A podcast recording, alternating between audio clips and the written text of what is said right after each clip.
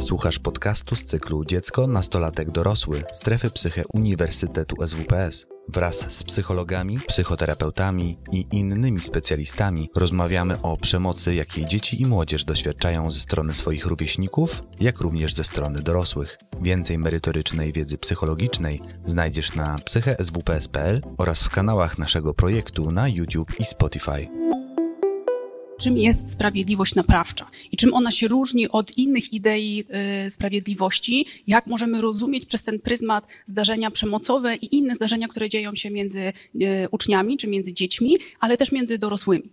Y, opowiem też o narzędziach, które przynosi sprawiedliwość naprawcza i o narzędziach, które są wdrażane w różnych miejscach na świecie, właśnie w systemach szkolnych, czyli w instytucjach takich edukacyjnych i oświatowych. I opowiem trochę o tym, jaki jest ich potencjał też w takich działaniach przeciwdziałania e, przemocy e, rówieśniczej, przemocy wśród e, dzieci i uczniów. Takie obrazki widzieliśmy już dzisiaj dość często, natomiast ja jakiś czas temu przyglądałam się procedurom szkolnym, takim wewnętrznym procedurom, ale też statutom szkoły i temu, jakie, jakie szkoła proponuje reakcje, jakie proponuje procedury na tego rodzaju zdarzenia. Zrobiłam to dlatego, że e, pracując e, w jednej ze szkół e, w Poznaniu, w Spark Academy, zastanawialiśmy się też, jak możemy układać takie sposoby reagowania, szczególnie właśnie na sytuacje tego rodzaju. I myślę sobie, że wielu z nas pracując w szkole jako psychologowie, pedagodzy, czy kadra nauczycielska, ale też dyrektorzy, zastanawiamy się czasami, bo wiemy, że to się dzieje w szkole, zastanawiamy się, co wtedy, co możemy robić, jak możemy działać po to, żeby jak najlepiej zadbać o dobro naszych uczniów i o dobro całej społeczności szkolnej. I te sposoby reagowania, które pojawiają się w takich dokumentach wewnętrznych, ale też dokumentach takich publicznych e, w szkołach, no to na przykład dotyczą systemu punktowego. I pewnie Państwo wiecie, że w, cały czas w niektórych szkołach stosowany jest taki system punktowy i te, te systemy punktowe zakładają na przykład to, że wtedy, kiedy uczeń wda się w bójkę, kiedy e, coś ukradnie, to wtedy otrzymuje minus 20, 30 czy 50 punktów i nierzadko jest to związane też z tym, że na przykład dostaje, e, czy zostaje mu obniżona ocena zachowania na semestr czy na koniec roku. Innym sposobem, który e, jest e, zapisywany czy proponowany jako reakcja e, na zdarzenie przemocowe jest tak zwana rozmowa wychowawcza. Czyli w takich punktach jest tak, że zakłada się, ok, jeżeli coś takiego się dzieje i jako nauczyciel czy wychowawca widzisz tą sytuację, to najpierw oczywiście zadbaj o bezpieczeństwo, czyli rozdziel uczniów, a potem uczeń, który stosuje przemoc, powinien mm, zostać skierowany do gabinetu, czasami gabinetu dyrektora, innym razem do gabinetu psychologa czy pedagoga i tam powinna odbyć się tak zwana rozmowa wychowawcza. Czasami rozmawiając z psychologami, pedagogami szkolnymi zastanawiamy się, na czym ma polegać ta rozmowa wychowawcza, jako taka rozmowa interwencyjna. I nierzadko jakby z takim pytaniem cały czas otwartym e, zostajemy. Innym sposobem jest wezwanie rodziców, takie natychmiastowe wezwanie rodziców wtedy, kiedy e, e, jesteśmy świadkami, czy zgłoszona została do nas e, sytuacja przemocowa. Czasami wezwanie policji, karetki pogotowia, to w zależności od powagi też sytuacji, od obrażeń, które doznała osoba pokrzywdzona. No i w takich regulaminach pojawia się też coś, co nazywamy pisemnym upomnieniem. Czasami zdarza się, że wpisujemy informacje o tym zdarzeniu do dziennika, innym razem do akt ucznia. To też jakby różnie bywa w takich regulaminach szkolnych szkolnych. A dlaczego o tym w ogóle mówię? Bo myślę sobie, że te kawałki już pojawiały się częściowo w poprzednich wystąpieniach. Dlatego, że przyglądając się sposobom reakcji i procedurom, możemy spojrzeć na szkołę jako na pewien rodzaj systemu. Na pewien rodzaj systemu też sprawiedliwości, który e, funkcjonuje i obowiązuje w szkole. I my, myślę sobie, że stosunkowo rzadko jeszcze myślimy o szkole jako o miejscu, w którym funkcjonuje jakiś system sprawiedliwości. Jak myślimy o systemie sprawiedliwości, to często myślimy o takim systemie sprawiedliwości państwowej, czyli wiemy, że mamy na przykład system prawa karnego w Polsce. Tak? I wiemy, jakie są zasady. Za złamanie tych zasad grozi nam jakiś rodzaj kary. Natomiast myśląc sobie o szkole, jako o miejscu, w którym jest e, jakby duża grupa ludzi. Czyli są i dzieci, e, są e, jakieś jakby młodzi ludzie, czyli na przykład młodzież, są dorośli w tej szkole, czyli mamy czasami, i to wiemy, że w zależności od wielkości szkoły, to jest czasami 100, czasami 200, czasami 500 i nawet i 1000 osób. Czyli jest to miejsce, w którym spotykamy się ze sobą nawzajem, mamy dużo interakcji i zdarza się tak, że ustalamy pewne zasady, albo że te zasady są jakoś łamane. I to jest pytanie, jak układamy te zasady i i, jakby stąd to jest, one będą właśnie wskazywały na to, w jakim systemie sprawiedliwości funkcjonujemy i działamy. I dzisiaj chciałabym opowiedzieć o dwóch rodzajach systemu sprawiedliwości, czyli o sprawiedliwości retrybutywnej, która myślę będzie Państwu znana z takich codziennych sytuacji, i systemie sprawiedliwości restauratywnej czy naprawczej. Będę opowiadała dzisiaj trochę w odniesieniu e, do szkoły, natomiast e, gdybyście byli Państwo tym zainteresowani, to możecie znaleźć sporo opisów, czym jest system sprawiedliwości jako taki, takiej sprawiedliwości retrybutywnej czy sprawiedliwości restauratywnej, też w systemach takich państwowych i karnych. E, I są kraje w Europie, które wprowadzają też właśnie między innymi te metodyki sprawiedliwości restauratywnej do swojego systemu karnego i tak na dobrą sprawę właśnie od prawników cała historia rozwoju tej myśli się rozpoczęła. Czym jest sprawiedliwość retrybutywna? To jest ten rodzaj sprawiedliwości, który widzieliśmy w tych reakcjach, które pokazywałam na początku. To jest system sprawiedliwości, który opiera się, znaczy, czy koncentruje swoją uwagę w dużej mierze na zasadach. I mówi tak, to, co jest niesprawiedliwe, czy to, co się dzieje złego, to wtedy, kiedy ktoś łamie zasadę. I w związku z tym szukamy osoby, która jest winna złamania tej zasady, czyli tutaj często używa się właśnie takich określeń typu sprawca i ofiara, i rozróżnienie tych osób jest bardzo ważne. I kiedy już wiemy, kto jest winny złamania, e, określonej zasady, to koncentrujemy swoje działania właśnie na tej osobie. Czyli zastanawiamy się, jaka powinna być kara, czy jaka powinna być konsekwencja tego, że ta określona osoba złamała zasadę. I mm, patrząc na system sprawiedliwości karnej, no to mamy podobnie, czyli jakby mamy pewne określone e, zachowania, które wiemy, że łamią jakieś reguły społeczne i za nie przewidziany jest jakiś rodzaj kary. Czyli to jest system, w którym y, tak na dobrą sprawę nasze działania i nasze myśli koncentrują się głównie wokół sprawcy, czyli wokół osoby, która e, złamała zasadę. Sprawiedliwość naprawcza, czy sprawiedliwość restauratywna, bo tak ją można inaczej nazywać, mówi trochę co innego. Czyli nie koncentruje się do końca na samej zasadzie, ale mówi tak. Te zasady tworzą ludzie i my ustalamy pewne reguły między nami po to, żeby żyło nam się lepiej. W związku z tym, jakie jest działanie krzywdzące czy łamiące te zasady, tak na dobrą sprawę robi coś między nami, robi coś między, jakby w naszej relacji. I jeżeli dochodzi do złamania takich reguł, to one najczęściej psują tą relację. Czyli coś się dzieje między dwójką ludzi albo między większą ilością osób, co powoduje, że na przykład nie mamy już do siebie tak dużo zaufania, że pojawia się jakiś lęk wtedy, czy jakiś strach przed tym, co się może zadziać, kiedy ja się otworzę przed e, drugą osobą. Czyli sprawiedliwość naprawcza mówi tak, to co jest ważne, to coś, to co się dzieje między e, ludźmi, czyli ta relacja między nimi. I kiedy dochodzi do zepsucia tej relacji, to tak na dobrą sprawę są najczęściej tam dwie osoby, no bo jak mówimy o relacji, to mówimy o relacji przynajmniej między dwiema osobami.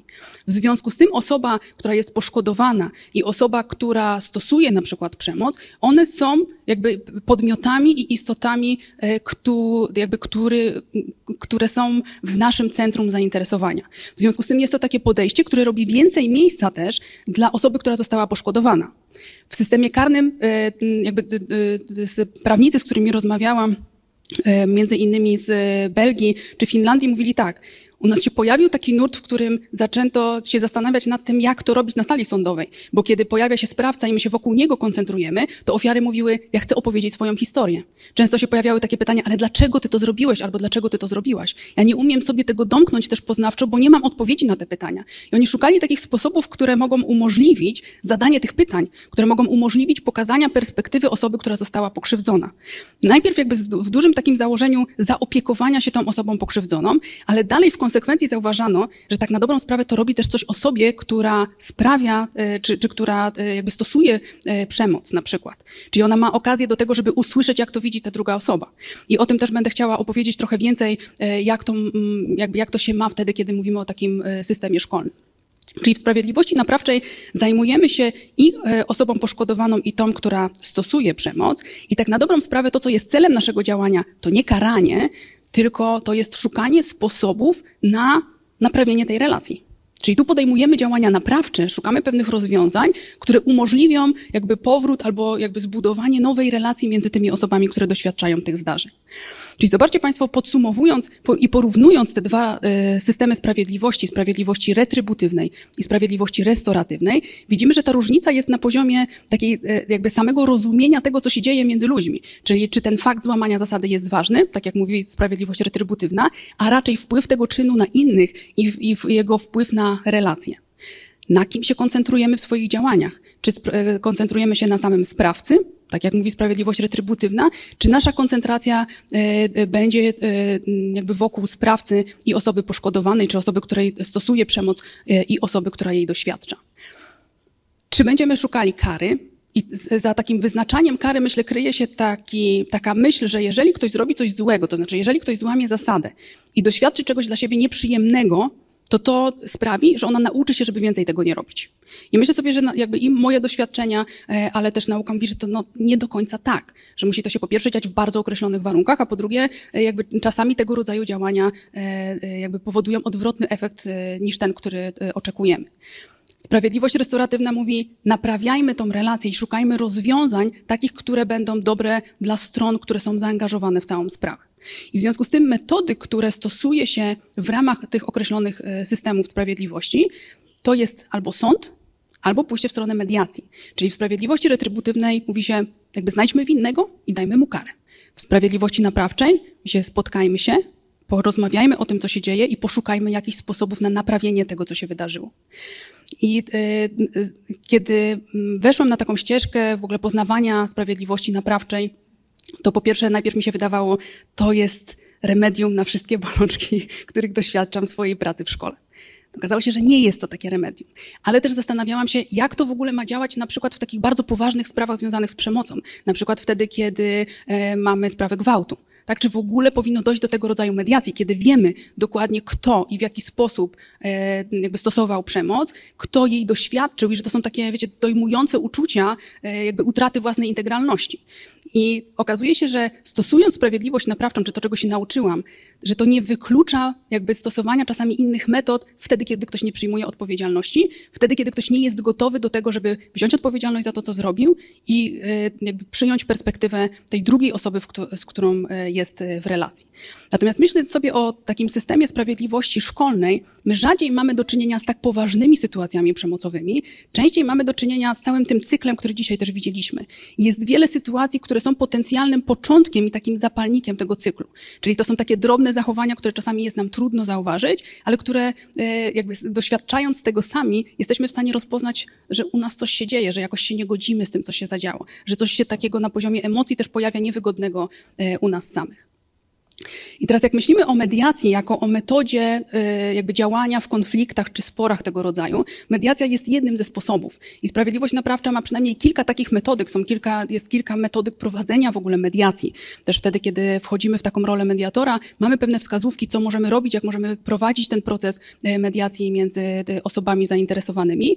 Innym sposobem są tak zwane kręgi naprawcze Dominika Bartera, które są też takim rodzajem spotkania usystematyzowanego zautomatyzowanego, który wspiera e, wypracowanie rozwiązań. Mówię o tym dlatego, że e, we wszystkich tych metodach mamy takie cechy wspólne, czyli mamy określone fazy e, prowadzenia takich spotkań. Pierwszą fazą jest zbudowanie wzajemnego zrozumienia swojej perspektywy i perspektywy drugiej osoby. Czyli tam zawsze jest miejsce na to, żebym ja opowiedziała, jak ja widzę daną sytuację, co ja o tym myślę, jak ja się czułam, czuję w tym momencie i jest miejsce na to, żeby powiedziała to ta druga osoba. I to jest bardzo istotne wtedy, kiedy my w ogóle chcemy zobaczyć, z czym mamy do czynienia i o co chodzi w całej tej historii. I nierzadko zdarza się, że my zaczynamy rozmowę o jakimś jednym wydarzeniu, ale okazuje się, że jakby ta historia była już dużo wcześniej, ona trwała już, a my widzimy tylko jakiś efekt. I to jest miejsce na to, żeby to usłyszeć, żeby to mogło wypłynąć. I dopiero w momencie, kiedy mamy takie poczucie, że mogliśmy powiedzieć to, co chcieliśmy. Usłyszeliśmy od drugiej osoby jej perspektywę i ją y, jakby przyjęliśmy. I tutaj nie chodzi, wiecie, o akceptację tego, co ktoś robi, ale o przyjęcie takie podmiotowe, tak, jesteś człowiekiem, masz swoją perspektywę widzenia jakiejś sytuacji, masz y, jakby uczucia, które też są z tym związane i dopiero wtedy możemy przejść do wypracowywania rozwiązań. Czyli to mogą być takie rozwiązania, które y, możemy sobie zadać takie pytanie, ok, jeżeli w naszej relacji doszło do utraty poczucia bezpieczeństwa, to co powinno się teraz zadziać, żebyście mogli to poczucie bezpieczeństwa odzyskać? Czyli dopiero tutaj możemy szukać pewnych sposobów na to, co dalej z tą sytuacją zrobić. Co mi pomoże jako osobie poszkodowanej, żebym miała poczucie, ok, mogę iść z tym dalej, albo co mi pomoże w tym, żeby miała takie poczucie, ja mogę przyjść znowu, jakby jutro do szkoły i nie będę jakby bała się tego, co się wydarzy. Czyli to może być, te rozwiązania mogą być skupione na takim, e, na naprawieniu tego, co się zadziało, ale też na zapobieganiu takich sytuacji w przeszłości. I my czasami w trakcie mediacji z uczniami zastanawiamy się, ok, to co się może, te, czy co powinno się waszym zdaniem teraz zadziać, żebyście e, mogli jakby jutro e, ze sobą się spotkać, albo co powinno się zdarzyć, żebyście mieli takie poczucie większej pewności, że tego rodzaju sytuacja się nie powtórzy, albo że ktoś nie podejmie jakiegoś działania, e, jeżeli jakby wiemy, że to jest działanie krzywdzące. Czyli tego rodzaju rozwiązania są dopiero w, dru- jakby w drugiej fazie wypracowania czy pracy w, właśnie w ramach mediacji czy kręgów naprawczych. Są dwa kluczowe założenia tej metody. Jedna jest taka, że uczestnicy są y, jakby dobrowolnie uczestniczą w tym procesie.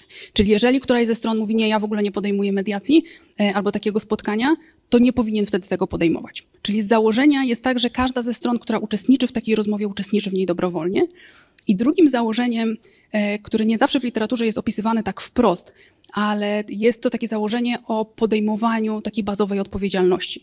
Czyli na takim poziomie minimum, e, wchodząc do mediacji, powinniśmy mieć przynajmniej zgodę co do faktów i co do tego, że dane zdarzenie miało miejsce i ono jakby w takich, takich największych e, szczegółach wyglądało w jakiś sposób. Czyli to jest to przyjęcie takiej odpowiedzialności, tak to się wydarzyło. Czyli jeżeli do mediacji wszedłby ktoś, kto mówi, nie, e, jakby ja w ogóle w tym nie brałam udziału, no to trudno jest wtedy rozmawiać o tym e, zdarzeniu, w związku z tym wtedy nie jest to metoda, którą będziemy w takim momencie e, stosować. No i teraz być może część z Państwa słyszała o tym, że e, mediacje są wprowadzane do szkół. To znaczy część szkół decyduje się na to, tak, zróbmy coś z tym, co się dzieje w naszych szkołach i e, zaczynają szkolić i wprowadzać mediacje, które e, jakby stosunkowo często przechodzą w taki projekt mediacji rówieśniczych w szkołach i w Polsce to się też dzieje. Jest kilka szkół w Poznaniu, które to robią. Jest szkoła w Katowicach, które, która w taki sposób pracuje. W Gdańsku jest bardzo prężnie działające Centrum Mediacji Rówieśniczej. No i jest przynajmniej jeszcze kilka takich miejsc, e, o których e, tutaj nie, nie będę wspominała. Natomiast to, co jest dla mnie istotne, to to, że e, ten pomysł na to, żeby wdrożyć mediację, często wynika z jakiegoś kryzysu. To znaczy widzimy, że dzieje się e, wiele sytuacji między uczniami, do których my nie do końca mamy dostęp. Że uczniowie czasami zgłaszają takie sytuacje, czasami ich nie zgłaszają. I tu mogę mówić nie tylko o takich zdarzeniach e, przemocowych, ale w ogóle o różnego rodzaju konfliktach. I jeżeli ktoś z Państwa pracuje w szkole, to pewnie doświadcza tego, że takich sytuacji jest po prostu mnóstwo każdego dnia. I wiele szkół wprowadzających mediację do szkół, nie tylko szkół w Polsce, ale e, myślę też o szkołach za granicą, wprowadzają je właśnie takim rodzajem kryzysu. Ale co jest ciekawe, kiedy sprawdza się i wraca do tych szkół, które zaczynają tego rodzaju projekt, to okazuje się, że szkoły, które się angażują, tak naprawdę się angażują we wprowadzenie mediacji w swoje mury, one dosyć szybko zaczynają doświadczać, że to jest tylko takie działanie reaktywne. Czyli to jest coś, co my możemy robić wtedy, kiedy już jakiś konflikt wystąpi. I one zaczynają zauważać, że to, czego potrzebują, to pewnych działań proaktywnych. Czyli widzą, że są pewne umiejętności, które na przykład pomagają e, e, albo dzieciakom, albo dorosłym w tym, żeby mogli dobrze przechodzić e, w, i uczestniczyć w procesie mediacji. I jakby widzą też to, że czasami te konflikty i nieporozumienia wy, wynikają na przykład z takich trudności e, w, jakby w takich relacjach generalnie. Czyli, że to wynika na przykład z braku kompetencji społecznych czy kompetencji emocjonalnych. I wtedy szkoły sobie tak myślą, dobra, no to jeżeli my mamy taką metodę reaktywną, to zacznijmy coś też robić bardziej proaktywnie, żeby móc jakby wspierać e, tą grupę, e, z którą działamy. I widać to szczególnie właśnie w tych szkołach, które angażują się w cały ten proces. No i teraz, jak myślę o e, sprawiedliwości naprawczej w szkołach i czytam o tym, co się dzieje na świecie, ale też rozmawiam z ludźmi, którzy działają między innymi w e, Gruzji, w Wielkiej Brytanii, w Hiszpanii i wprowadzają te idee do szkół i jak wprowadzają pewne metodyki pracy do funkcjonowania szkolnego, to rzeczywiście to, co jest istotne, to jest to, żeby jak przyjrzeć się działaniom reaktywnym, i takim działaniom proaktywnym na gruncie szkolnym. I co to będą za działania proaktywne, które e, jako pierwsze wychodzą na wierzch wtedy, kiedy e, zaczynamy właśnie od wprowadzania mediacji jako tych działań reaktywnych? No widać, że to, co mogłoby być pomocne, to budowanie takiej umiejętności rozpoznawania swoich emocji i potrzeb. Bo jeżeli jest tak, że ja mam w końcu z kimś usiąść, z kimś rozmawiać, no to to jest ważne, żebym po pierwsze mogła rozpoznać, co się u mnie dzieje. Że to, co dzisiaj padało, czyli takie przykłady, w których mówiliśmy, no, zdarza się tak, że uczeń, który doświadcza przemocy, na początku nie ma pewności co do tego, czy on jakby dobrze odczuwa. Czy naprawdę to, co się dzieje, jest jakoś krzywdzące dla mnie? Czyli przestaje ufać samemu sobie. I to jest pewna umiejętność rozpoznawania, po pierwsze, tego, co się u mnie dzieje na poziomie emocjonalnym, co to dla mnie znaczy, gdzie są moje granice. I to wszystko jest przecież taką umiejętnością, którą my też możemy ćwiczyć, którą możemy ćwiczyć z naszymi dziećmi, z uczniami i to już od najmłodszych lat. Drugim rodzajem umiejętności jest komunikowanie tych potrzeb. Czyli czasami jest tak, że my wiemy, co się u nas dzieje, ale jest nam trudno ubrać to w słowa. Jest nam trudno znaleźć dobre określenia na to, co się u nas dzieje. I y, jeszcze, żeby zrobić to w taki sposób, który jest jakoś akceptowany społecznie. Myślę sobie głównie o tym, żeby to nie były takie sposoby, które są jakoś y, jakby też ofensy, jakoś ingerujące w granice drugiej osoby. Czyli mamy już dwie. Rozpoznawanie swoich emocji i potrzeb i komunikowanie ich w sposób, który jest akceptowany społecznie. Kolejną umiejętnością jest umiejętność współpracy i takiego, tak, ja tutaj napisałam o umiejętności wnoszenia wkładu do społeczności, czyli w ogóle widzenia tych relacji, o których mówimy, czyli widzenia mojej grupy, mojej szkoły jako grupy, jakby z którą ja mam coś wspólnego, co do, jakby do której ja mogę coś wnieść, której ja mogę być aktywnym uczestnikiem i dzięki temu jestem ważna czy ważny w tej grupie, w której funkcjonuję i dzięki temu też możemy działać ku na przykład jakiemuś wspólnemu celowi i osiągać e, dobre efekty. Czwartą umiejętnością jest umiejętność rozwiązywania problemów i konfliktów i to oczywiście, co będzie dawało fajny rezultat w samym procesie mediacji, to taka umiejętność rozwiązywania konfliktów, czyli w ogóle rozumienia tego procesu. Ale to są też takie, y, takie drobne umiejętności typu, jak przechodzimy do, do wypracowywania rozwiązań, to jest taki element, ok, to co by się teraz mogło zadziać? Czyli jest taki element trochę jak burza mózgów, czyli wy, wymyślmy jakby, albo zastanówmy się, co nam przychodzi do głowy i połóżmy to na stole, jakie widzimy teraz rozwiązania, a potem wy wybierzecie, co będzie naj, najlepiej sprawdzało się dla was. Czyli to jest też taka metoda w ogóle rozwiązywania problemów, która e, może się dziać też na innych zajęciach i która będzie sprzyjała jakby dobremu wejściu e, w e, tego rodzaju pracę. Gdyby udawało nam się coś takiego ćwiczyć, to, to moglibyśmy budować szkołę, w której w takim klimacie, o którym dzisiaj trochę już było, byłby wzajemny szacunek. Czyli to byłaby szkoła, w której widzielibyśmy siebie jako podmioty i byłyby ważne dla nas relacje i ten wzajemny szacunek też byłby istotny. Że wtedy też to był, byłaby szkoła, w której mielibyśmy takie poczucie bezpieczeństwa. Na takim też bazowym poziomie, czyli że jeżeli ja przyjdę, to wiem, że nic złego mi się nie stanie, a jeżeli będzie jakieś zagrożenie, to wiem, że będę mogła otrzymać od kogoś pomoc. I poczucie odpowiedzialności za tą społeczność, w której jestem i za to, co się e, w niej dzieje. No i pytanie, czy to jest w ogóle możliwe? Czy takie szkoły są jakby są albo mogą być i czy, czy to jest w ogóle tak, że my możemy je tworzyć. No i ja myślę sobie, że, że tak, że ja bym tak bardzo chciała i podejmuję pewne próby, żeby mogło się to udawać, ale też jest pewna grupa ludzi, która zajmuje się sprawiedliwością naprawczą i jest y, też grupa ludzi, która zajmuje się specyficznie sprawiedliwością naprawczą w szkołach. Jedną z takich większych organizacji w Europie jest Europejskie Forum Sprawiedliwości Naprawczej e, i właśnie jakby w ramach tego Europejskiego Forum funkcjonuje grupa, e, która zajmuje się specyficznie właśnie sprawiedliwością naprawczą w szkołach i w edukacji.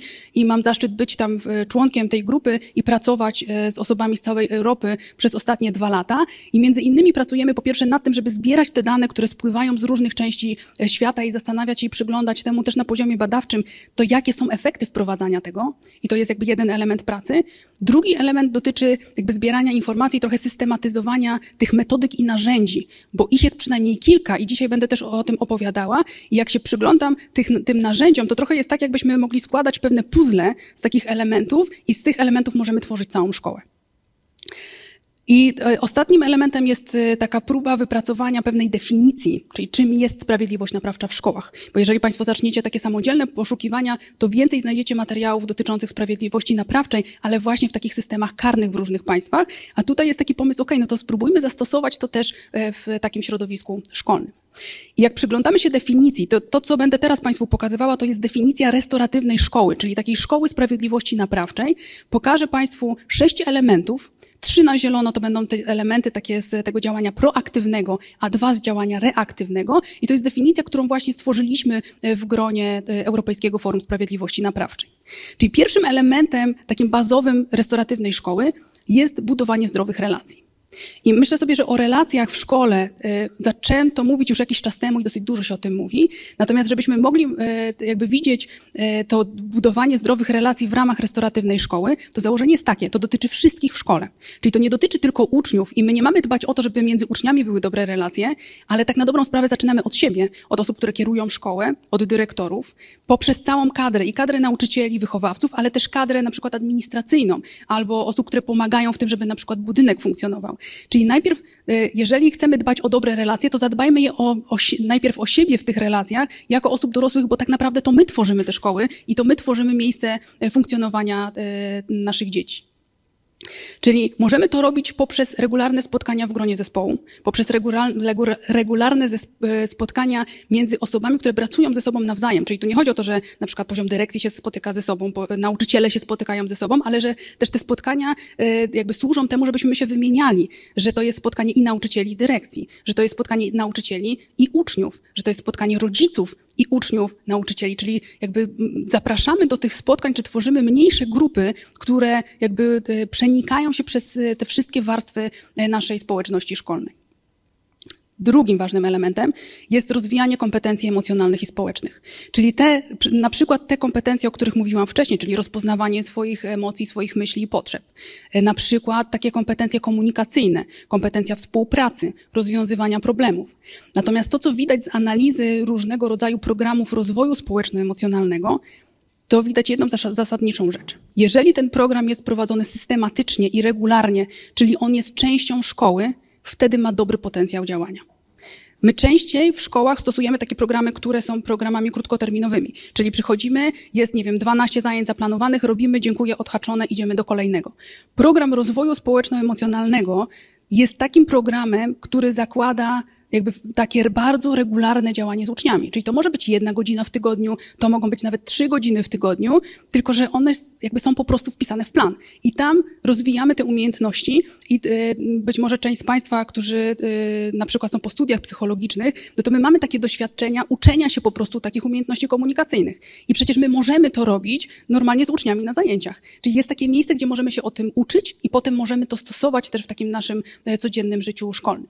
Ale druga rzecz istotna, istotna, to programy rozwoju społeczno-emocjonalnego nie powinny dotyczyć tylko uczniów. Ale jeżeli szkoła ma funkcjonować w taki sposób, to powinny też to być programy dla kadry, czyli my jako dorośli tak samo powinniśmy rozwijać swoje kompetencje społeczno-emocjonalne, po to, żeby jakby móc z nich korzystać i w relacjach jakby między nami, ale też w relacji między e, kadrą a uczniami i rodzicami. Trzecim i już ostatnim elementem tych działań proaktywnych jest coś, co zostało nazwane pedagogiką naprawczą. I e, to zakłada, że mm, docelowo Takim wzorcowym modelem jest połączenie programów rozwoju społeczno-emocjonalnego z programami dydaktycznymi.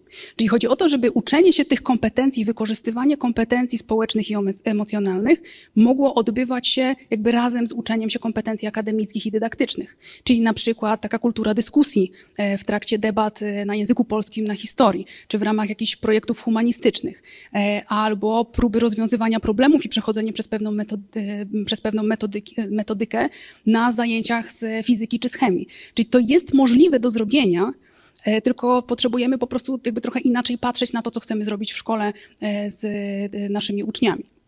Czyli docelowo byłby, byłoby to takie połączenie programu rozwoju społeczno-emocjonalnego z programem dydaktycznym. I to, co jest istotne też w pedagogice naprawczej, to to, że zakładamy, że kadra jako dorośli w szkole modelują takie postawy, których my też oczekujemy od uczniów. Czyli modelują jakby te kompetencje społeczno-emocjonalne. Kiedy coś się dzieje trudnego w klasie, to podejmują rozmowę i podejmują tą rozmowę jakby zgodnie ze standardami dobrej komunikacji. Jeśli chodzi o działania reaktywne na poziomie szkoły, to są dwa elementy. Pierwszy z nich to są spotkania naprawcze. Czyli to będą czasami takie małe spotkania z dwójką, trójką uczniów, między którą coś się dzieje i kiedy potrzebują wyjaśnić jakiś rodzaj sytuacji. To przykładem może być sytuacja, kiedy e, e, jakby uczeń mówi, coś się takiego zadziało i ja nie mam pewności, jak interpretować tą sytuację bo ja, ja się jakoś źle poczułam z tym, co na przykład y, mój kolega powiedział i chcę o tym porozmawiać i czy możesz mi pomóc, jeżeli ja byłabym takim mediatorem y, y, w szkole. I, czyli możemy usiąść razem i powiedzieć, hej, coś takiego się zadziało. Jak to było? Jak ty widziałaś tą sytuację? Jaka jest twoja perspektywa? A jak to jest u y, tej drugiej osoby? To mogą być też takie y, większe spotkania, czyli kręgi w większym gronie, które są skupione na rozwiązaniu jakichś takich poważniejszych problemów i konfliktów. Mówię poważniejszych w takim sensie, że na przykład dochodzi tam właśnie do E, e, do zaangażowania większej ilości osób. Czyli to jest jakby poważniejsze w takim sensie prowadzenia i daje to jakby większe wyzwanie dla e, facylitatora takiego procesu. I ostatnim elementem są zasady i procedury naprawcze, czyli chodzi o to, że jeżeli my chcemy być restauratywną szkołą, czy chcemy wprowadzać te elementy, to powinno być to jawne. Czyli te zasady powinny być zawarte w statucie, w oficjalnych procedurach, w takich procedurach, które są dostępne dla całej kadry szkoły, ale też dla rodziców i dla uczniów. I pokażę dzisiaj pewien przykład, ale zanim to, to chcę przytoczyć badania, które są prowadzone od około 20 lat, czyli to nie jest jakiś długi, e, myślę sobie o takich badaniach, które dotyczą e, krajów e, Europy, ale też między innymi Stanów Zjednoczonych czy Nowej Zelandii i co, dają, co daje wprowadzanie tego rodzaju metodyk do szkoły. Widać, że szkoły, które wprowadzają e, narzędzia sprawiedliwości naprawczej, e, sprawdzając, co to robi i e, jak o tym myślą uczniowie, to uczniowie wtedy deklarują po jakimś czasie, że czują się bezpieczniej i są bardziej związani ze szkołą. Czyli po prostu chcą też często chodzić do tej szkoły. Uczniowie wtedy deklarują, że czują się pewniej, że pewniej wypowiadają się i mają większą, jakby taką ochotę do tego, żeby zgłosić różne incydenty i mają takie poczucie, że one są wtedy jakby dobrze rozwiązywane. Czyli tutaj jest ten efekt, o którym wcześniej mówiliśmy, z takim poczuciem bezradności. Co możemy robić? Jak to jest, że uczniowie nie zgłaszają takich spraw? Wydaje się, i to pokazują te dane, że w szkołach, które e, stosują sprawiedliwość naprawczą w swoich murach, ten kłopot jest mniejszy, czy jest stosunkowo mniejszy. Kolejnym efektem jest lepsza frekwencja. I to jest bardzo ciekawe, bo lepsza frekwencja jest wśród uczniów e, i to, co jest takim dużym walorem, to to, że uczniowie po prostu mają taką większą ciągłość swojego procesu e, uczenia się i nauczania, ale też widać mniejszą absencję pracowników szkoły. Czyli ta lepsza frekwencja dotyczy i uczniów, i kadry, co jest istotne dla ciągłości całego procesu. Widać też, e, i tutaj dane są różne, to jest między 30 a 50 kilka procent spadku liczby skierowań do procedur e, takich dyscyplinarnych. Czyli to pokazuje, że być może jest mniej takich zdarzeń przemocowych, które wymagają ingerencji i uruchomienia takiej e, procedury dyscyplinarnej. Jak badano w e, szkołach w e, Stanach Zjednoczonych, to tam stosuje się też taki model zawieszenia ucznia, czyli uczeń na przykład nie może przychodzić na kilka dni do szkoły i widać, że w szkołach, w których wprowadzono takie metody sprawiedliwości naprawczej, kiedy porównywano, co się działo jakby zanim wprowadziliśmy te metody i jak to jest po około roku, dwóch od wprowadzenia, to widać, że spada liczba osób, które są zawieszone i spada e, jakby ten średni czas zawieszenia dla uczniów. Jest mniej też uczniów, którzy byliby na przykład wydaleni ze szkoły i skreśleni z listy uczniów ze względu właśnie na podjęcie jakiegoś e, zachowania przemocowego. A jak to jest w Polsce? W Polsce nie mamy takich danych. To znaczy, są szkoły, o których mówiłam, które wprowadzają mediację, często idąc w kierunku mediacji rówieśniczych, i pojawiają się szkoły też, które zaczynają myśleć w kategoriach programów rozwoju społeczno-emocjonalnego i podejmują takie próby wdrażania takich programów w swoje mury. Ja chciałam dzisiaj opowiedzieć o kilku praktykach, e, takich szkolnych praktykach sprawiedliwości naprawczej na przykładzie jednej ze szkół, z którą pracuję, czyli na przykładzie Spark Academy, gdzie udało się wdrożyć kilka elementów tej układanki. I jednym z tych e, elementów układanki jest tak zwany kodeks szkolny. To jest kodeks, który określa główne zasady e, funkcjonowania w szkole, ale on się zaczyna od tego, jakie są dla nas ważne wartości w tej szkole. Czyli jak to jest, że na przykład ważny jest dla nas szacunek, ważna jest współpraca, ważne jest zaangażowanie. I to, co jest istotne, to opisaliśmy tam, co to dla nas oznacza. Czyli jakie zachowania na takim poziomie e, jakby też językowym e, uczniów, jakie zachowania mogą pokazywać, że tak, ten szacunek jakby jest w naszym gronie, albo tak, to jest współpraca, po czym ja to mogę poznać i na bazie tego odbywają się też między innymi zajęcia z uczniami. W kodeksie opisane są też kroki interwencji, czyli tam jest taki, i to pokażę też dzisiaj Państwu, co się dzieje wtedy, kiedy ktoś e, jakby mm, krzywdzi drugą osobę. Albo czego ty się możesz spodziewać, jeżeli to ty doświadczysz jakiejś szkody albo krzywdy. I teraz zobaczcie Państwo, na poziomie e, kodeksu jest też informacja o tym, jakie są Twoje prawa jako ucznia w szkole, ale w ogóle jako członka społeczności, bo staraliśmy się też opisać ten kodeks tak, żeby on dotyczył wszystkich członków społeczności, czyli i uczniów, i nauczycieli, i pracowników szkoły. E, no i jakby rodzice, jeżeli przychodzą w nasze mury, to też chcielibyśmy, żeby oni mieli takie możliwości. Czyli do czego masz prawo? Masz prawo do wsparcia i do poszukiwania pomocy w problemach i wpływu na ich rozwiązanie w klasie i w szkole. Masz prawo do kształtowania społeczności przez składanie uwag, wniosków, pomysłów i rozwiązań. I masz prawo do szukania sposobów zadośćuczynienia i możliwości naprawienia wyrządzonej przez ciebie szkody albo otrzymania tego zadośćuczynienia, jeżeli e, tą szkodę ktoś tobie e, wyrządzi. Czyli zobaczcie Państwo, to się wydaje, że są takie jakby proste określenia, ale jeżeli to jest tak, że my przychodzimy do jakiegoś miejsca i mówimy, to są te jakby takie reguły prawne, które tu obowiązują i my coś takiego wpisujemy, to jest dużo łatwiej uczniom w sytuacji trudnej powiedzieć, hej, ale to się nie dzieje w szkole, a przecież tak jest tutaj opisane. Tak? I wtedy możemy rozmawiać, dobra, no to co musi się zmienić, żebyśmy my byli taką szkołą, bo tak chcemy działać. Czasami tak jest, że popełniamy błędy, coś się nie udaje, ale my możemy nad tym pracować i to jest ten punkt docelowy, do którego chcemy dojść. Drugim kawałkiem, y, który pojawia się też w kodeksie, jest ten proces reagowania, który właśnie jest opisany w taki sposób, czego się możesz spodziewać wtedy, kiedy ktoś coś tobie zrobi, albo kiedy ty coś zrobisz komuś. No i jak będą wyglądały te y, określone poziomy działania. I tutaj jest informacja, i to wydaje się bardzo istotną też informacją, że sprawiedliwość naprawcza jej metody to jest podstawowy sposób rozwiązywania sytuacji konfliktowych i sytuacji trudnych. Czyli przychodząc do szkoły jako rodzic, możesz się spodziewać, że kiedy chcesz zgłosić jakąś sytuację trudną albo o niej rozmawiać, to zostaniesz zaproszony zaproszony do rozmowy. Czyli ta interwencja nie będzie polegała na tym, że ty przyjdziesz i zgłosisz. I czasami są takie oczekiwania rodziców, kiedy rodzice mówią, tamten y, uczeń X coś zrobił mojemu dziecku, w związku z tym ja to zgłaszam, wy coś z tym zróbcie, ukarajcie tamtego.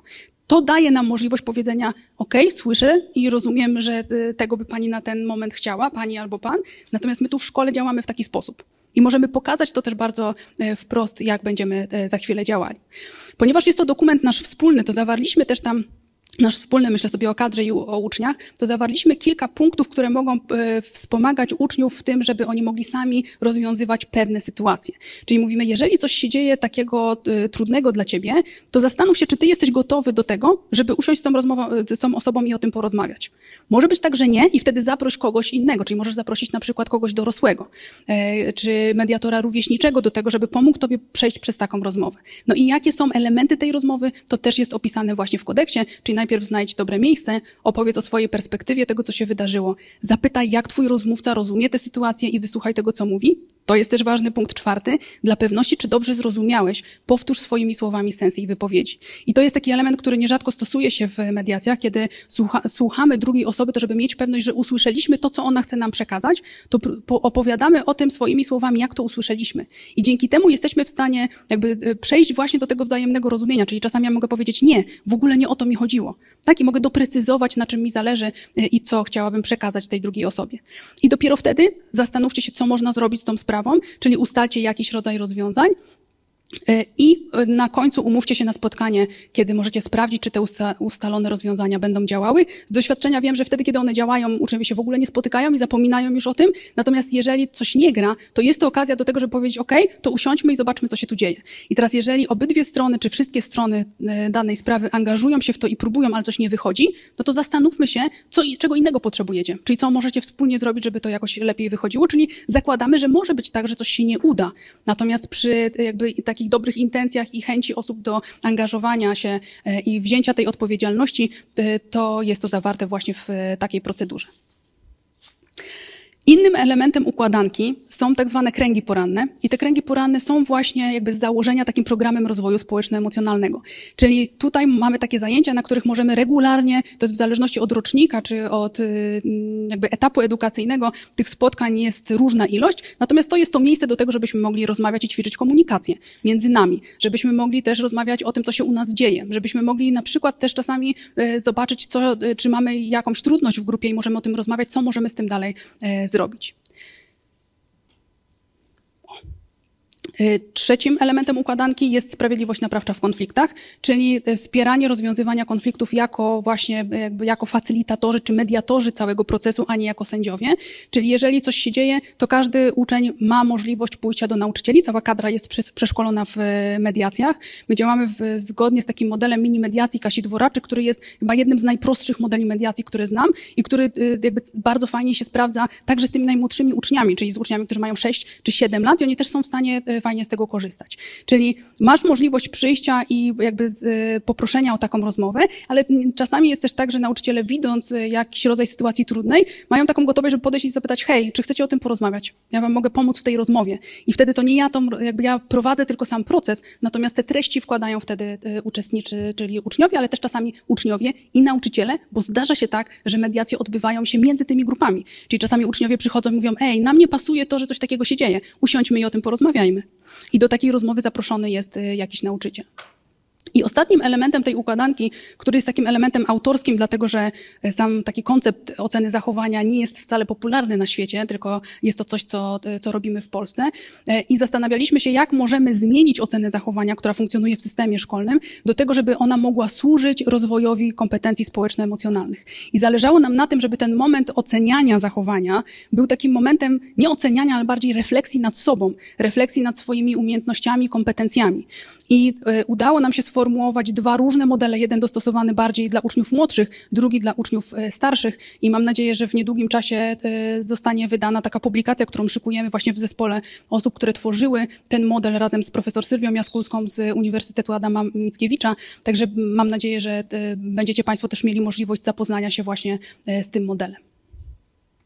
I to jest na tyle, e, co przygotowałam e, dla Państwa dzisiaj. Mam wrażenie, że pokazałam pewne elementy tej układanki i zapraszam Państwa, jeżeli będziecie mieli ochotę pogłębić te elementy, e, czy o coś zapytać, to bardzo serdecznie zapraszam do kontaktu ze mną i na ekranie możecie Państwo zobaczyć mój adres mailowy. Jeżeli będziecie Państwo mieli też ochotę poczytać coś więcej i dowiedzieć się, jakby nie pytając mnie, ale poszukując samodzielnie, to przygotowałam to też nie jest pewnie teraz bardzo widoczne, ale przygotowałam taką listę publikacji, którą moim zdaniem warto jest przeczytać, z którymi warto się zapoznać i jeżeli mielibyście Państwo ochotę, to też e, po prostu proszę napiszcie do mnie e, i wtedy prześlę e, Państwu tą listę. Bardzo dziękuję. Bardzo dziękujemy Pani doktor. Zapraszam. Kończąc swoją prelekcję, odpowiedziała Pani na pewno na, na, na kilka pytań, które nawet jeszcze nie zdążyły paść. E, czyli gdzie można się czegoś dowiedzieć, gdzie można o czymś poczytać. E, to ja zadam teraz Pani kilka pytań, które spłynęły do nas w trakcie prelekcji. Pani Dorota zapytała tak, czy należy albo czy warto łączyć oba wymiary sprawiedliwości, o których Pani mówiła dziś, czyli na przykład ukarać dziecko poprzez odebranie mu przywileju i jednocześnie pracować nad poprawą relacji między dziećmi w zgodzie z tym systemem sprawiedliwości naprawczej. To jest trudne pytanie, na które nie mam takiej jednoznacznej odpowiedzi. Dlatego, że e, jakby pewną pomocą może być e, taka teoria czy koncepcja e, Social Disciplinary Window stworzona przez Teda Wachtela, która odnosi się trochę do koncepcji też stylów wychowania. Czyli on mówi tak, jeżeli w takiej sytuacji, szczególnie jak myślę o sytuacji przemocowej, to jeżeli w takiej sytuacji my nic nie zrobimy, to to nic nie zmieni. Czyli wiemy, że tak na dobrą sprawę ta, jakby cały ten kontekst przemocy będzie wzmacniany. Mamy też taki model zachowania się pobłażliwego. I to są czasami takie zachowania, w których mówimy, o tak, ty pewnie jesteś taki biedny, że się zdecydowałeś na takie zachowanie przemocowe, poszukajmy, co jest u ciebie, zatroszczmy się o ciebie. I to nierzadko jest odbierane właśnie jako takie przyzwolenie na tego rodzaju zachowania, czyli znowu to będzie coś, co będzie napędzało takie trudne e, działania, trudne dla innych e, u tej konkretnej osoby. I potem mamy jeszcze dwa modele. Jeden jest takim modelem bardzo autorytarnym, czyli to ja stawiam granice i ja powiem, jak będzie i czego od ciebie wymagam i oczekuję. A drugi model jest taki model oparty na współpracy i tu się mówi, to jest właśnie to okno sprawiedliwości naprawczej. Czyli zastanówmy się razem, co z tym mamy zrobić. Czyli ja coś wnoszę ze swojej roli, na przykład e, z roli, e, nie wiem, wychowawcy w szkole czy dyrektora i ty też jesteś tego uczestnikiem, w związku z tym będziemy rozmawiać razem z tobą, czasami zapraszając rodziców czy inne osoby, e, które będą ważne w społeczności do, do wspólnego rozwiązania. Tyle, że jeżeli ktoś bierze odpowiedzialność za to, co zrobił, czyli jest mu czasami głupio, że coś takiego e, się stało, że czuje się jakoś winny e, i jest gotowy do tego, żeby podejmować działania naprawcze, to to jest ten moment, w którym możemy się zatrzymać. I wtedy wspólnie wypracowujemy pewne granice, których chcemy się trzymać i też co się może zadziać dalej, żeby pomóc Tobie trzymać się tych granic w szkole. Bo tak jak słyszeliśmy, to nierzadko jest tak, że jest to związane z pewnymi wyzwaniami, które e, jakby sam uczeń czy samo dziecko przeżywa. Natomiast zdarzają się takie sytuacje, w których tego nie ma, czyli ktoś nie bierze odpowiedzialności za to, co się wydarzyło. I wtedy Ted Wachter mówi, teraz powinniśmy przesunąć się do tego stylu czy do tego okna mocniej takiego y, jakby stawiającego granice. Ale, czyli teraz ja powiem, jak będzie, ja postawię te granice, postawię tobie oczekiwania z bardzo jasną ścieżką do tego, jak możesz uzyskać wsparcie. I czasami jest to potrzebne. E, jak przyglądałam się systemom e, takim karnym w różnych państwach, to też stosuje się różne metody. I e, bodajże w Belgii jest tak, że kiedy ktoś ma sprawę karną i sąd jakby jest w trakcie procesowania, to zdarza się tak, że wtedy e, proponuje mediację, czyli nie ma jeszcze ostatecznego wyroku, ale mówi, możecie pójść do mediacji i zobaczyć, co z tego wyjdzie, jeżeli oczywiście wszystkie strony dobrowolnie się tego podejmą i e, sędzia wtedy monitoruje cały proces mediacji, uzgodnienia tych rozwiązań i tego, czy te rozwiązania zostały wprowadzone w życie i dały jakiś rodzaj efektu, przynajmniej jakby w jakimś okresie czasowym i od tego uzależnia swój wyrok. Ale są też takie e, procedury, które jakby w innych miejscach, które mówią tak, najpierw niech będzie wyrok, a potem ja cię skieruję do mediacji, to może coś zmieni. Czyli nie ma jeszcze takiej zgodności pełnej, jak to robić i jak to łączyć. Na pewno jest takie założenie, że są sytuacje, w których ta metoda nie będzie wystarczająca, bo ktoś nie przyjmie odpowiedzialności i nie będzie gotowy do tego, żeby rozmawiać, ale stąd jest jakby dalej idąc, jest taki koncept, to zacznijmy to robić wcześniej. Czyli uczmy tego nasze dzieci, uczmy e, jakby sami siebie tego, że jeżeli jest coś trudnego, to rozmawiajmy o tym, bierzmy odpowiedzialność za to, co się dzieje, za nasze błędy, które czasami popełnimy. I e, ta społeczność, która jest dookoła ciebie, jest po to, żeby cię wesprzeć. Rozumiem, czyli te systemy mogą, nie, nie wykluczają się nawzajem. Tak. Co więcej, czasem współwystępują. Tu mam kolejne pytanie, które zadała pani Anna. E, I tutaj, żeby odpowiedzieć na, na pytanie pani Anny, będzie pani musiała odpowiedzieć krótko, acz konkretnie. Okay. Pani Anna pyta tak. Czy może pani powiedzieć o czysto praktycznych kolejnych krokach zastosowania tej metody w szkole? Czyli co się dzieje krok po kroku, nie wiem, na przykład w ciągu tygodnia? Są jakieś stałe wydarzenia, które są powiązane z tym, że szkoła pracuje w takim systemie? E, tak, to zależy trochę od tych elementów układanki. E, na początku roku e, zawsze rozmawiamy o kodeksie i o zasadach, które funkcjonują w szkole, czyli rozmawiamy też o tym, jakie są nasze role, jakby jak to jest, na co się będziemy umawiali. To jest początek roku, gdzie rozmawiamy też o tym na przykład na poziomie zachowań wtedy też z najmłodszymi uczniami, co to oznacza szacunek, co to oznacza współpraca, jak my możemy to widzieć, kiedy jest ten szacunek, albo kiedy go nie ma, albo kiedy jest współpraca, kiedy jej nie ma.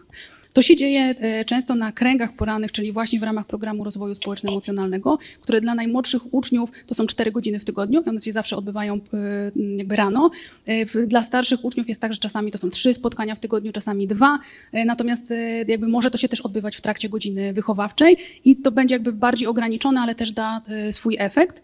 E, I mm, jest taka przestrzeń w ciągu roku, gdzie nauczyciele szkolą się z mediacji i z prowadzenia mediacji i uczą się też jakby tego, jak mogą rozumieć tego rodzaju sytuacje i wtedy w trakcie roku już tak naprawdę on, jakby nauczyciele są tymi osobami, które wspierają, ale są też takie metodyki, które mówią, wyznaczcie jedną, dwie, trzy osoby w szkole, które będą to robiły. I w związku z tym to się może dziać jakby na różnym, e, w różnym terminie w trakcie roku szkolnego. Okej, okay, dziękuję. Czyli rozumiem, że szkoły też mogą dopasować tak. ten system do, do swojej instytucji. E, to teraz kolejne pytanie Jakie warunki muszą być spełnione w szkole, żeby w ogóle ten system móc wdrożyć? Musi być e, jakby pewna zgoda co do podmiotowości e, członków społeczności szkolnej. Czyli e, trochę tak jak jakby wcześniej prelegenci mówili, czyli taka bazowy, bazowy poziom pewnej demokratyczności albo widzenia ucznia jako podmiotu i jako drugiego człowieka, w którym jesteśmy w relacji. Myślę, że to jest ten taki warunek mhm. potrzebny. Okej, okay. a jak, jak co Pani myśli o tym, żeby taki system, e, znaczy może inaczej, jak Pani widzi ten system wprowadzany na różnych etapach edukacji? Bo wyobrażam sobie, że na przykład w szkole średniej e, wdrożenie tego systemu może być o tyle utrudnione, że mamy tam do czynienia z 15-17-latkami, którzy być może przez kilkanaście lat swojej edukacji nie mieli do czynienia z tego typu systemem, więc go nie znają zupełnie, są dla nich nienaturalne. No i teraz chcemy to wdrożyć. Czy to jest w ogóle po pierwsze możliwe, e, a po drugie, na jakie przeszkody możemy wtedy natrafić? Na wdrożenie y, to, co mówi literatura, powinniśmy zakładać około trzech lat. I powinno być to rozłożone w czasie na pewne określone kroki. I rzeczywiście to będzie trudniejsze wtedy, kiedy mamy jakby taką szkołę albo grupę uczniów, którzy funkcjonowali w zupełnie innym systemie. Czyli potrzebujemy wtedy robić to małymi elementami, wprowadzając ich też do tego. To widać y, w y, szkołach, w których jest wprowadzony już taki model, że bywa to wyzwaniem dla uczniów, którzy przychodzą z innego modelu. I oni najpierw się tak czują niepewnie. I jak się mówi na przykład o mediacji, to nie, ja nie będę w tym uczestniczył. I muszą doświadczyć kilku albo obserwować takie sytuacje, żeby potem być gotowym do tego, żeby w nie wejść. Ale jest to możliwe. Mhm. E, czyli rozumiem, że w idealnej sytuacji e, moglibyśmy rekomendować wdrażanie tego systemu na wczesnych etapach. Na etapie edukacji przedszkolnej to też jest możliwe? E, też stosuje się nie wszystkie te elementy układanki, ale mhm. część tak. Okej, okay, czyli na, na etapie edukacji przedszkolnej, no i wtedy oczywiście możemy liczyć się z tym, że ten system będzie pracował na korzyść rozwoju dziecka przez wiele lat czasami, ale na przykład, ale na etapie szkoły średniej również nie jest to wykluczone. Tak. Pewne Dobrze. modele tego systemu stosuje się też e, między innymi na uniwersytetach i robi się na przykład centra mediacji e, mhm. dla studentów. Czyli to jakby, ten, jakby sama idea sprawiedliwości naprawczej i jej narzędzia raczej są dostosowywane do etapów rozwojowych, natomiast nie ma takich ograniczeń, które mówią tu możemy, a tu nie możemy. Okej, okay. to w takim razie mam ostatnie pytanie. Jakich argumentów by Pani użyła, żeby przekonać na przykład dyrekcję jakiejś szkoły do tego, żeby rozważyli wdrożenie takiego systemu u siebie w placówce? To chyba najtrudniejsze pytanie na koniec. Przepraszam. To chyba zależy od y, dyrektora, z którym bym rozmawiała. Myślę sobie, że jednym z ważnych y, argumentów dotyczących tematu dzisiejszego spotkania jest to, że te narzędzia mają duży potencjał w przeciwdziałaniu przemocy. Y, I w takim przeciwdziałaniu jakby rozumiem to tak, że po prostu jest dużo mniej takich sytuacji, które będą jakby narastały i które będziemy widzieli jako tak silnie problemowe, o których dzisiaj rozmawialiśmy. Czyli będziemy mieli bezpieczniejszą szkołę, relacje będą lepsze, nauczyciele będą się lepiej w niej czuli i uczniowie też się będą w niej e, lepiej czuli. I to są chyba takie... Dziękuję bardzo. To, to już wszystkie pytania. Bardzo Pani dziękuję. Naprawdę to było niezwykle inspirujące. Dzięki. Dzięki za zaproszenie. Dziękuję Państwu.